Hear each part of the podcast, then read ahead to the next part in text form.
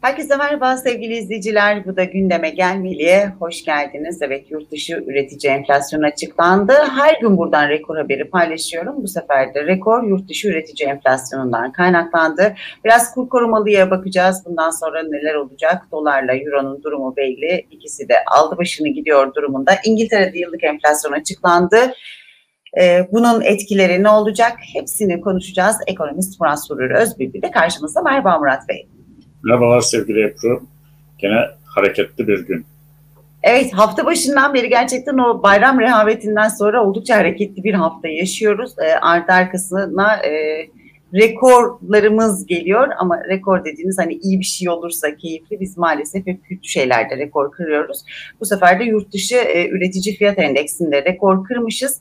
Haziranda yıllık %110.66 aylıkta da %9.18 artmış bu sefer yeni rekorumuz da bu maalesef.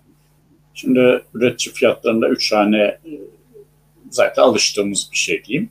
E, burada benim dikkat çekmek istediğim husus şu Ebru yurt içi üretici fiyat endeksi ile yurt dışı üretici fiyat endeksi arasında ciddi bir makas var. Bu makasın sebebi de e, bence kurların baskılanmasıyla ortaya çıkıyor. E, kurlar baskılandığı için e, yurt dışı üretici fiyat endeksi yurt içi üretici fiyat endeksinden daha az artıyor. Ama her ikisi de 3 hanede.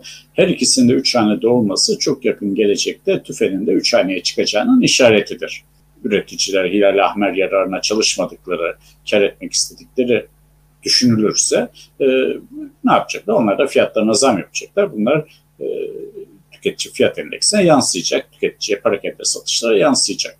E, şimdi iktidar enflasyonla mücadele etmek yerine kurlarla mücadele etmek gibi bu bir tür böyle yel değirmenlerine savaş açmış vaziyette. Saçma bir şey. Sen kurları düşürmek, kurları kontrol etmek istiyorsan enflasyonla mücadele edeceksin. Enflasyonla mücadele ediyorsan önce saçma sapan harcamaları keseceksin. Nedir mesela? Mesela Suriyelilere bakmayacaksın kardeşim. Yani 9 milyon Suriye diye bakarken Türkiye'de enflasyonu düşüremezsin. Mümkün değil. Başka böyle saçma sapan harcamaları yapmayacaksın. Tasarruf edeceksin. Para basma gereksinimin azalacak. Sıkı maliye politikaları uygulayacaksın. Sıkı para politikaları uygulayacaksın enflasyonu kontrol ettiğin zaman kurlar zaten otomatikman kontrol altına alınır. Tabii burada bir de ince ayar olarak faiz ayarıyla uğraşacaksın. Ee, Recep Bey ne yaptı? Efendim faiz sebep enflasyon sonuçtur diye garip kureba bir fikir attı ortaya. Ve ona da inandılar. Türk ekonomisini ateşe attı. Sonuçta bütün dengeler bozuldu. Bak aynı anda dış ticaret açığı veriyoruz, cari açık veriyoruz, bütçe açığı veriyoruz, rezerv açığı veriyoruz e, ve enflasyon aldı başını gidiyor. Şimdi enflasyon alıp başını giderken kurları tutmaya çalışmak mümkün değil.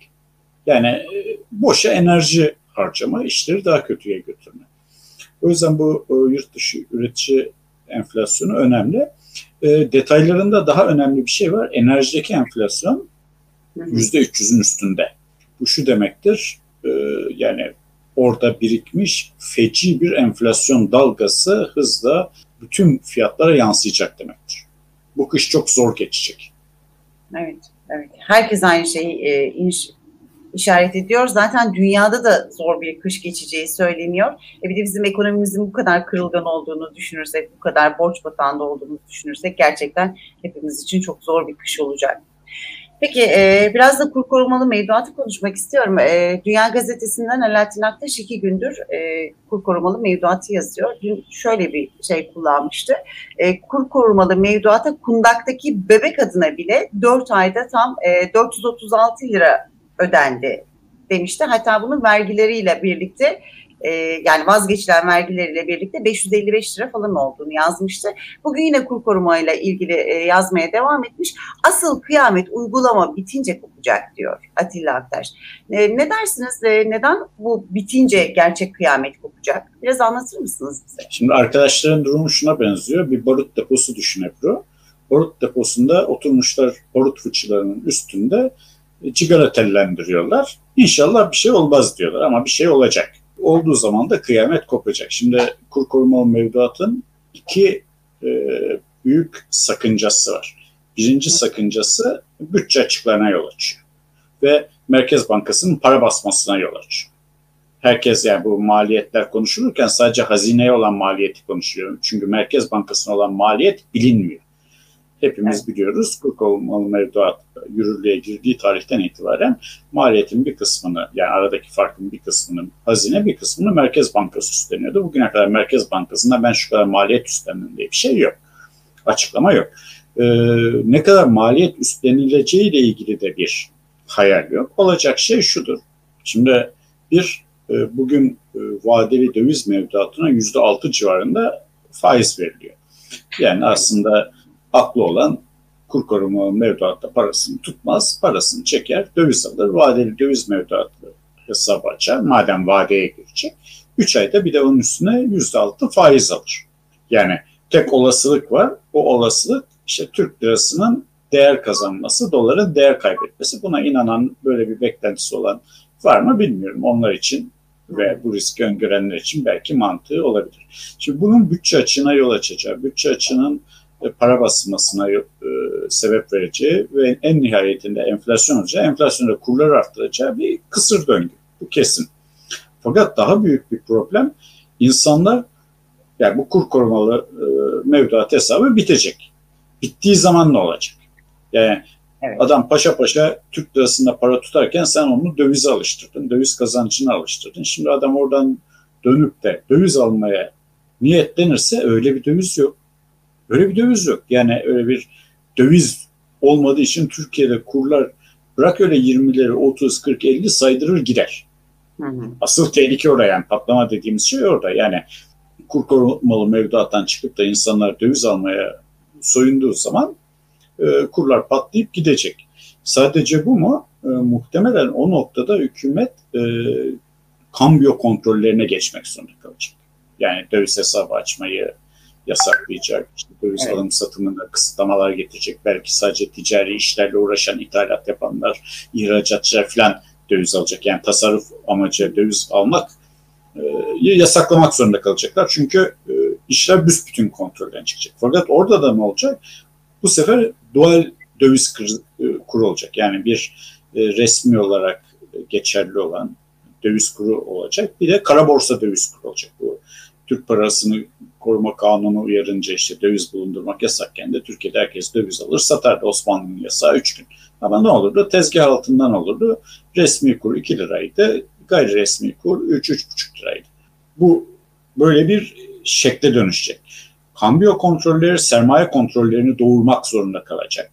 Yani e, mecburen evet. ülkeden sermaye çıkışı falan yasaklanacak. E, bunu evvelden hissedenler, bilenler bu sefer varlıklarını Türk lirasından dövize çevirip yurt dışına çıkarmaya çalışacaklar. Yani bunlar son fırsatlar diye. Bankada parası olanlar bankadaki paralarının akıbetinden endişelenecekler. Çünkü o adam da bankadaki parasını çekemeyecek. Onlar e, paralarını çekmeye soyunacaklar, girişecekler. Aman çekeyim işte e, aklımda duracağına yastığın altında dursun diyecekler. Şimdi bunların hepsi bir araya gelince mükemmel bir fırtına ortaya çıkacak. Daha doğrusu kusursuz bir fırtına ortaya çıkacak. Patlama dediğimiz şey bu. Ondan sonra ne olacak? Kim bundan zarar görecek? Kim ne kadar zarar görecek? Tek tek bilmek mümkün değil ama ülke ekonomisinin komple çok büyük zarar göreceği, e, toparlanması yıllar alacak büyük bir krize girileceği kesin. Türk ekonomisini götürdüler bir e, bombanın üzerine oturttular hep. Bu ne zaman patlayacağı bilinmeyen bir bomba. E, bu yüzden Atilla Hoca'nın e, yorumu doğru. Herkesin dikkate alması gereken bir yorum. Burada iki kesim var. Bir, birikim sahipleri. Yani bunlar ne yapacaklar? Herkes kendi tedbirini kendi almalı. E, bu şey gibi hani meyve sepeti diye bir oyun vardır. Ortada 8 oyuncu vardır. 7 tane sandalye vardır. Herkes işte müzik eşliğinde dans ederek dolaşır filan çocuklar. Bir yere müzik kesilir. Herkes bir sandalyeye oturmaya kalkar. Biri açıkta kalır. O ebe olur. Şimdi bu döviz işinde de olacak. İlk gidenler bankadaki dövizini alabilecek veya piyasadan döviz alabilecek. Sona kalanlar dona kalacak. Ebe Aynen. olacak. Ebelenmiş olacak. Ee, kur korumalı mevduattan da ilk çıkıp dövize dönebilenler dönecekler. Son çıkmaya çalışanlar emin ol bankadan parasını çekip döviz büfesine gidene kadar işte bankadan çektiği zaman 100 bin doları varsa döviz büfesine gittiği zaman 80 bin dolar alamayacak. Ya aklın yolu bir Ebru. İnşallah olmaz diyorum ama İnşallah tabii ki kesinlikle olmaması Evet, şimdi e, adam barut e, barut deposunda sigara içiyorsa kardeşim yapma havaya uçuracaksın hepimizi demek aklın gereğidir. Yok yok ya bir şey olmaz demenin bir mantığı yoktur. Ya olmazsa diye. Doğru, haklısınız. Peki e, kısacık da şunu sormak istiyorum. E, işte yarın Avrupa Merkez Bankası'nın faiz kararı var. O 25 bas puan garantilendi gibi bakılıyor. İngiltere'de de yıllık enflasyon açıklandı. Yıllık enflasyon 9.4 ama bu bile 1982'den beri en yüksek e, rakam deniliyor. E, 50 bas puanlık e, faiz artışı beklentisi orada da kuvvetlendi. Ee, işte bir taraftan Avrupa Merkez Bankası yarın açıklayacak. İşte İngiltere'nin enflasyon rakamlarıyla onların bir faiz artışı var. Dolar 17.58'de 17.60'ı zorluyor. Ee, Euro 18'i geçti. Ee, tüm bu bankaların faiz kararı, yurt dışındaki faiz kararları peki nasıl etkileyecek bizdeki kurları? Şimdi eller giden Mersin'e biz gidiyoruz tersine Ebru. Şimdi e, bu bunun olacağı belliydi. İşte pandemiyle mücadele edebilmek için bütün hükümetler Amerika, İngiltere, Avrupa Birliği para bastılar ve dağıttılar. Niye? Halk parasız kalmasın, şirketler nakitsiz kalmasın, şirketler batmasın, halk geçim sıkıntısı çekmesin diye. Bunun enflasyona yol açacağı belliydi. Hani e, biri de böyle mezarlıktan geçerken ıslıkçalar ya onun gibi e, korkunun ecele faydası yok. Enflasyon olmaz demenin de bir faydası yok. Olacağı belliydi ve nitekim oldu. Ama şimdi hem Avrupa hem Amerika hem İngiltere enflasyon kontrol altına alabilmek için adımlar atıyor. Biz Evet. ne yapıyoruz? Öyle bir gayretimiz yok. Adımları atarken de bir resesyon doğurmamaya çalışıyor. Yani dengede götürmeye çalışıyor. Ben bu işlerin böyle bir 2-3 yıla yayılarak yavaş yavaş enflasyonun böyle kabul edilebilir %2, 1,5, %2,5 gibi seviyelere indirileceğini düşünüyorum. Bizde işler kontrolden çıkmış vaziyette. Üç hanenin alt dilimlerinde kalırsak yatıp kalkıp dua edelim. Peki. Çok teşekkür ediyorum o zaman hem size hem de vakit ayırıp bizi izleyen izleyicilerimize. Yarın görüşmek üzere. Görüşmek üzere.